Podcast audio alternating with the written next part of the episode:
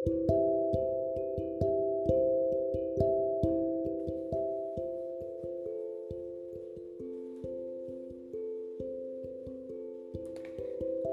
diceritain dari awal, dan kalau diceritain semua rangkaian ceritanya, saya akan semakin menyesal, Za. Karena ternyata banyak sekali kesalahan saya sama kamu. Dan sebanyak itu pula sakit yang didapat kamu. Waktu itu, banyak banget waktu yang kamu kasih. Bahkan mungkin semua waktu yang kamu punya akan tetap kamu kasih jika saya perlu. Kamu orang baik, Za. Tapi yang saya kasih sama sekali nggak baik.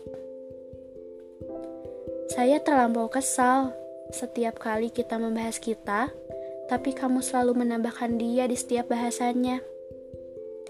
Ibaratnya kayak ending cerita bahagia yang epilognya hanya tersisa saya dan kamu, tapi kamu menambahkan dia sebagai antagonis, sehingga ceritanya gak berakhir bahagia.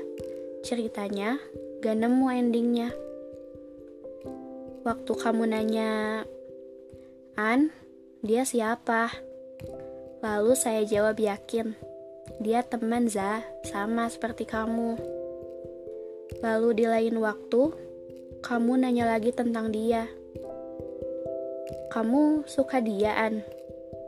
Lalu saya jawab, Enggak, Za. Saya gak lagi suka siapa pun.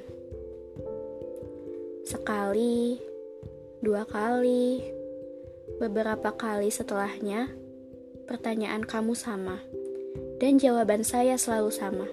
Saya gak lagi suka dan punya perasaan buat siapa pun, Za.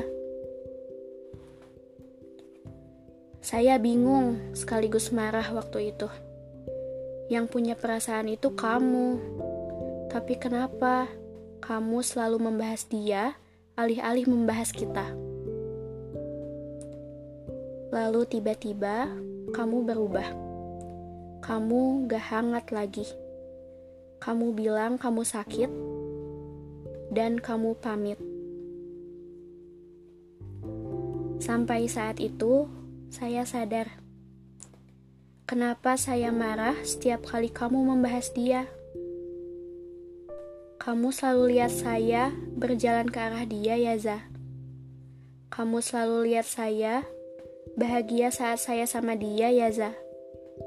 Lalu sikap saya terlihat jelas bahwa saya memiliki perasaan buat dia kan, Za? Egoisnya, pada saat itu juga saya gak ingin kamu pergi. Tapi perasaan saya gak ada buat kamu. Saya egois sekali ya, Za.